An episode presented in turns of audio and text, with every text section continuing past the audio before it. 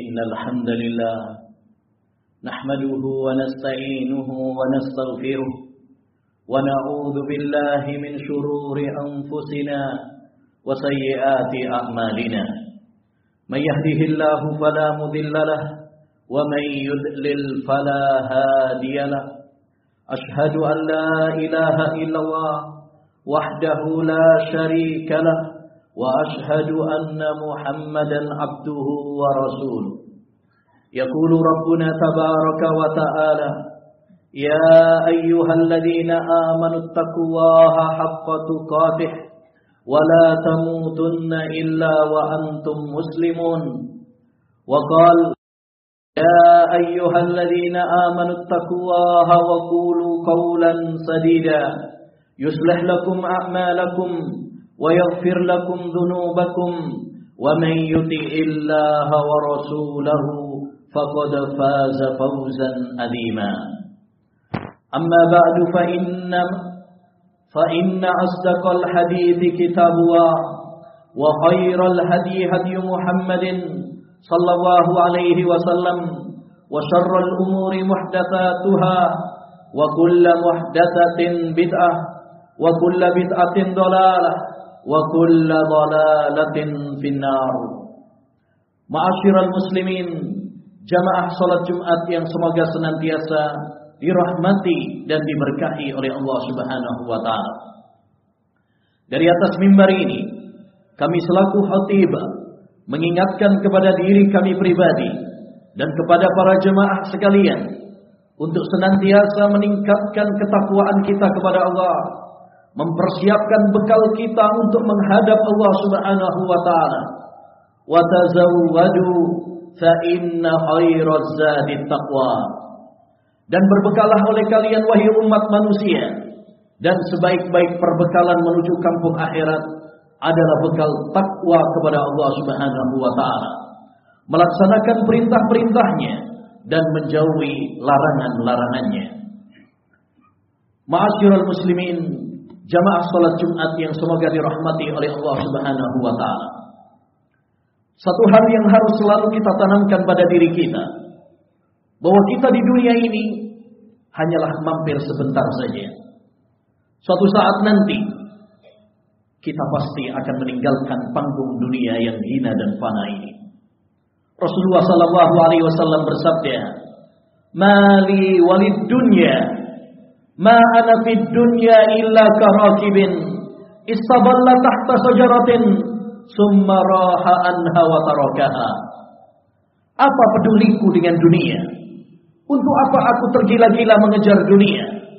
Tidaklah aku di dunia ini kecuali seperti seorang pengembara yang mampir istirahat di bawah naungan pohon. Setelah istirahatnya selesai, dia akan meninggalkan pohon tersebut untuk meneruskan perjalanannya.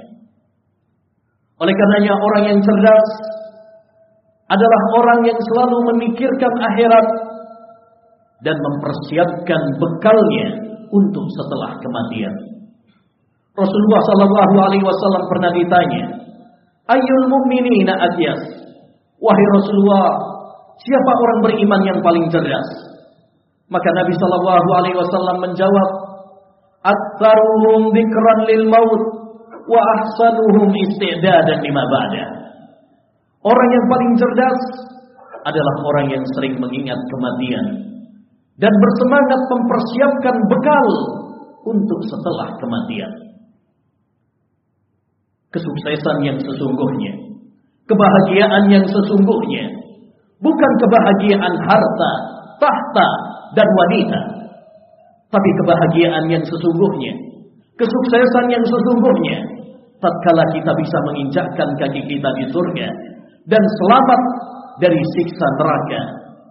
Allah Subhanahu wa taala berfirman, "Faman zuhziha 'anil nar wa udkhilal jannata faqad faz wa mal hayatud dunya illa mata'ul kata Allah Subhanahu wa taala barang siapa yang diselamatkan oleh Allah Subhanahu wa taala dari neraka dan dimasukkan oleh Allah ke surga dialah orang yang sukses dan tidaklah kehidupan dunia ini kecuali kesenangan yang semu, yang menipu. Ma'asyiral muslimin, jamaah salat Jumat yang semoga dirahmati dan diberkahi oleh Allah Subhanahu wa taala. Kita semuanya pasti menginginkan surga. Kita semuanya pasti bermimpi dan bercita-cita untuk meraih surga. Tapi ingat, surga tidak didapatkan hanya dengan hayalan dan impian. Surga diraih dengan perjuangan, pengorbanan, usaha, dan doa kepada Allah Subhanahu wa taala. Lebih-lebih jika kita bisa meraih surga, bertetangga, bersanding dengan kekasih kita Muhammad bin Abdullah sallallahu alaihi wasallam. Kita di dunia ini jika bisa bertetangga dengan orang terhormat, pasti itu adalah sebuah kehormatan bagi kita.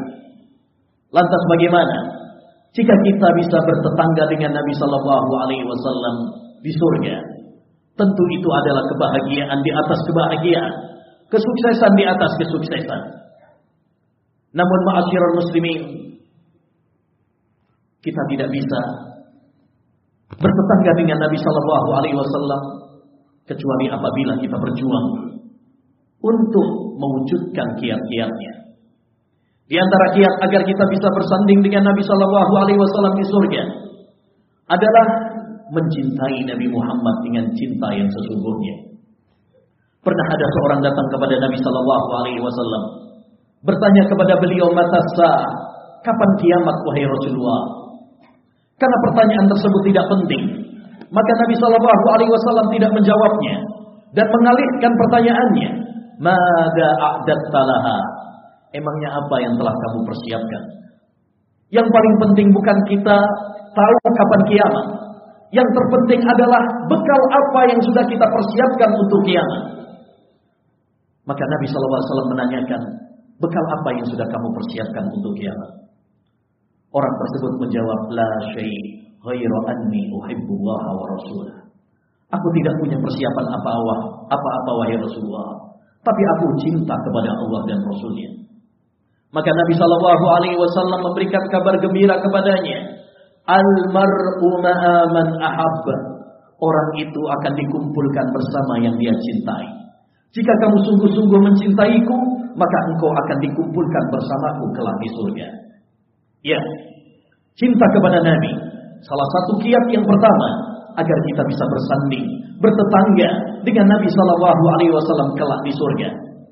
Namun cinta bukan hanya dengan pengakuan, tapi cinta diwujudkan dengan ya kenyataan. Dengan membenarkan ucapan-ucapannya, mentaati perintah-perintahnya, menjauhi larangan-larangannya, dan tidak beribadah kepada Allah Subhanahu wa taala kecuali dengan tuntunannya. Yang kedua, agar kita bisa menjadi tetangga Nabi Shallallahu alaihi wasallam di surga adalah dengan memperhatikan solat-solat kita. Baik solat yang wajib maupun solat yang sunnah. Dalam riwayat Muslim dari sahabat Rabi'ah bin Ka'ab al-Aslami bahwa suatu saat beliau pernah mempersiapkan tempat wudhu untuk Nabi maka sebagai ucapan terima kasih, Nabi Shallallahu Alaihi Wasallam mengatakan kepada sahabat Rabi'ah, Sal, mintalah. Kamu minta apa?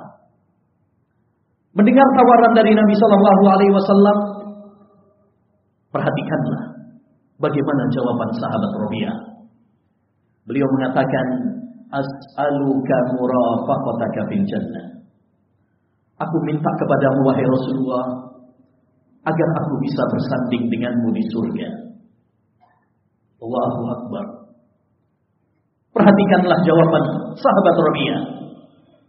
Ketika ditawari oleh Nabi Shallallahu Alaihi Wasallam, dia tidak meminta harta, dia tidak meminta tahta, dia tidak meminta wanita, karena dia tahu bahwa semua itu hanyalah fana. Yang dia minta adalah agar bisa menemani Nabi Shallallahu Alaihi Wasallam bersanding dan bertetangga dengan Nabi Sallallahu Alaihi Wasallam.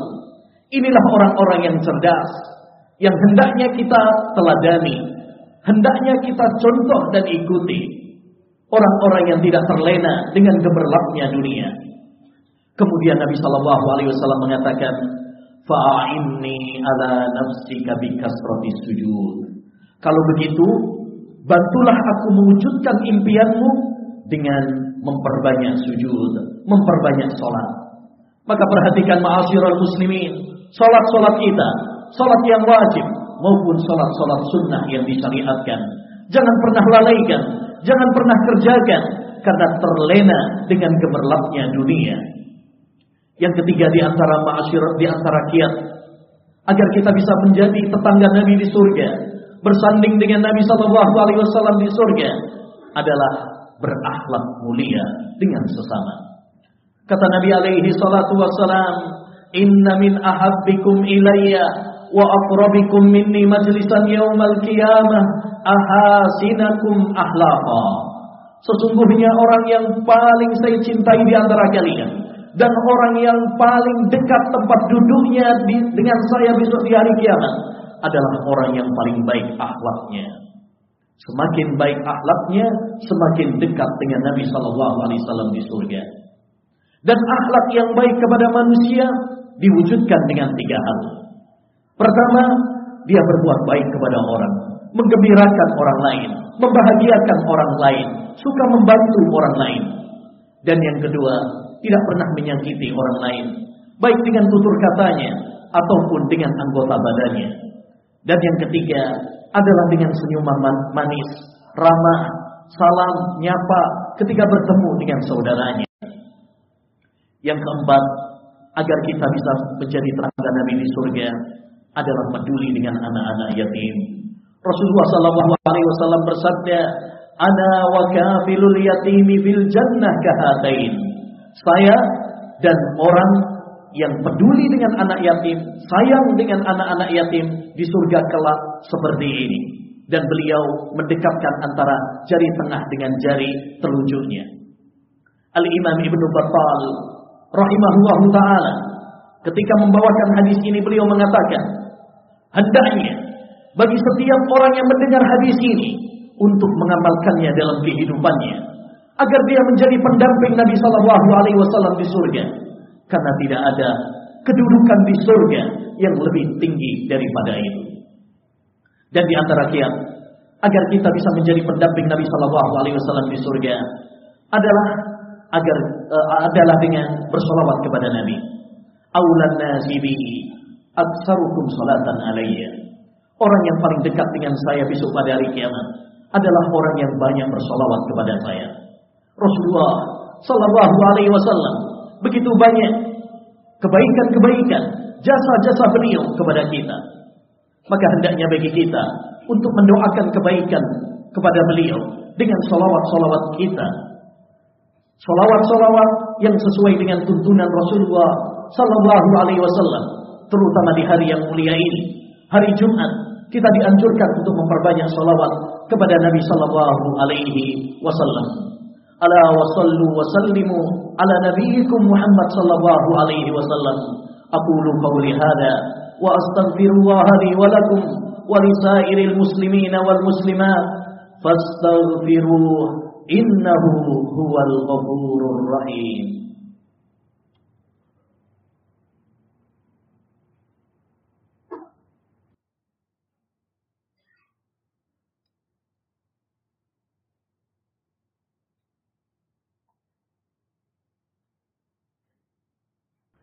Alhamdulillahi wa kafa. Wassalatu wassalamu ala rasulil huda Wa ala alihi wa sahbihi wa man wala. Amma ba'd. Ma'asyiral muslimin Jamaah salat Jumat yang semoga dirahmati dan diberkahi oleh Allah subhanahu wa ta'ala. Pandemi COVID-19 memberikan kepada kita banyak pelajaran keimanan. Wa asa an takrahu syai'an wa huwa lakum. Bisa jadi kalian membenci sesuatu Padahal itu baik bagi kalian. Allah Subhanahu wa taala mentakdirkan semua kejadian karena tersimpan di dalamnya hikmah-hikmah yang mendalam bagi orang yang merenunginya. Di antara pelajarannya, kita menjadi tahu bahwa kita adalah makhluk yang lemah, yang kuat hanyalah Allah Subhanahu wa taala. Tidak ada daya dan kekuatan kecuali dengan pertolongan Allah Subhanahu wa taala. Ya ayyuhan nas, antumul fuqara'u ila Allah wallahu wal ghaniyyul hamid. Wahai sekalian manusia, kalian adalah orang-orang yang fakir, yang butuh kepada Allah Subhanahu wa taala, sedangkan Allah Subhanahu wa taala adalah zat yang maha kuat. Di antara pelajaran dari pandemi ini, kita diingatkan oleh Allah Subhanahu wa taala tentang kematian. Banyak saudara-saudara kita, banyak sahabat kita, banyak keluarga kita, ustadz kita yang telah dipanggil oleh Allah Subhanahu wa taala dengan pandemi ini. Ma'asyiral muslimin, semua kita, pria maupun wanita, miskin maupun kaya, kecil, tua, muda, semua kita pasti akan mati. Aksiru dzikra hadimil Rasulullah sallallahu alaihi wasallam mengatakan, "Perbanyaklah oleh kalian mengingat sang penghancur kelezatan." Apa itu sang penghancur kelezatan? Yaitu kematian. Dan di antara pelajaran penting dari pandemi ini, kita diingatkan oleh Allah Subhanahu wa taala agar kembali kepada Allah, bertobat kepada Allah Subhanahu wa taala. Karena tidaklah pandemi dan musibah-musibah yang terjadi di bumi ini kecuali karena dosa yang diperbuat oleh manusia. Allah Subhanahu wa taala tidak akan mengangkatnya, tidak akan menyudahinya kecuali dengan taubat, kecuali dengan istighfar yang dilakukan oleh umat manusia. Ali bin Abi Thalib pernah mengatakan, "Ma nazala bala'un illa bidan wa ma rufi'a illa bitaubah." Tidaklah turun suatu musibah kecuali karena dosa dan tidaklah diangkat musibah tersebut kecuali dengan taubat kepada Allah Subhanahu wa taala. Akhirnya, mari kita mohon kepada Allah Subhanahu wa taala agar Allah Subhanahu wa taala menjadikan kita termasuk orang-orang yang dimasukkan oleh Allah Subhanahu wa taala ke surganya. Bertetangga, bersanding dengan Nabi sallallahu alaihi wasallam yang mulia. Man sa'ala Allah al-jannah salasa marrat, qalatil jannah Allahumma adkhilniha. Kata Nabi alaihi salatu wassalam, siapa yang minta kepada Allah surga tiga kali, surga akan mengatakan, "Ya Allah, masukkan orang ini padaku."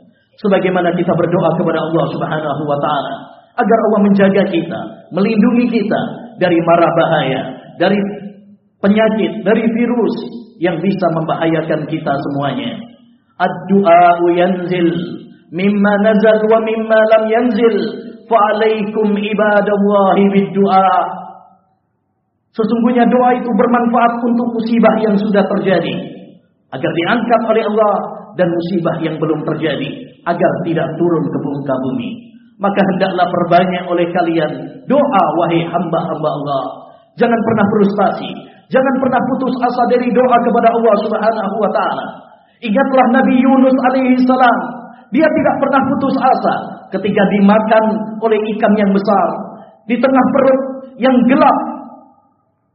Di tengah lautan yang gelap, dia tetap berdoa kepada Allah Subhanahu wa taala.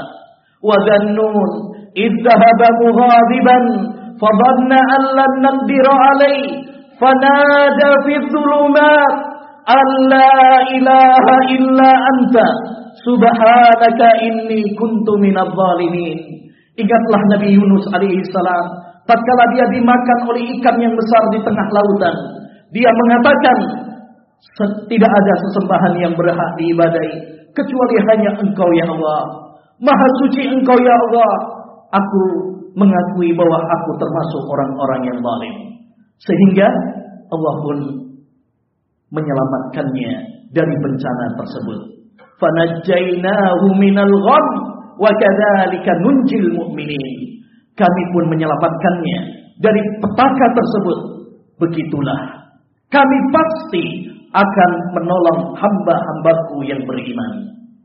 Rabbana zalamna anfusana wa illam taghfir lana wa tarhamna lanakunanna minal khasirin. Rabbana zalamna anfusana wa illam taghfir lana wa tarhamna lanakunanna minal khasirin. Zalamna anfusana wa illam taghfir lana wa tarhamna lanakunanna minal khasirin. لا إله إلا الله. سبحانك إنا كنا من الظالمين. لا إله إلا الله. سبحانك إنا كنا من الظالمين. لا إله إلا الله. سبحانك إنا كنا من الظالمين. ربنا هب لنا من أزواجنا وذرياتنا قرة أعين واجعلنا للمتقين إماما. ربنا آتنا في الدنيا حسنة وفي الآخرة حسنة وقنا عذاب النار. اللهم إنا نسألك علما نافعا ورزقا طيبا وعملا متقبلا اللهم إنا نعوذ بك من البرص والجنون والجذام ومن سيء الأسقام. اللهم احفظ بلادنا أندونيسيا من الفتن. ما ظهر منها وما بطن. اللهم احفظ بلادنا أندونيسيا من الفتن. ما ظهر منها وما بطن. اللهم احفظ شبابنا ونساءنا وأولادنا من الفتن. ما ظهر منها وما بطن. اللهم ارفع عنا البلاء والوباء والغلاء برحمتك يا أرحم الراحمين. إن الله وملائكته يصلون على النبي. يا أيها الذين آمنوا صلوا عليه وسلموا تسليما. وآخر دعوانا أن الحمد لله رب العالمين وأقم الصلاة.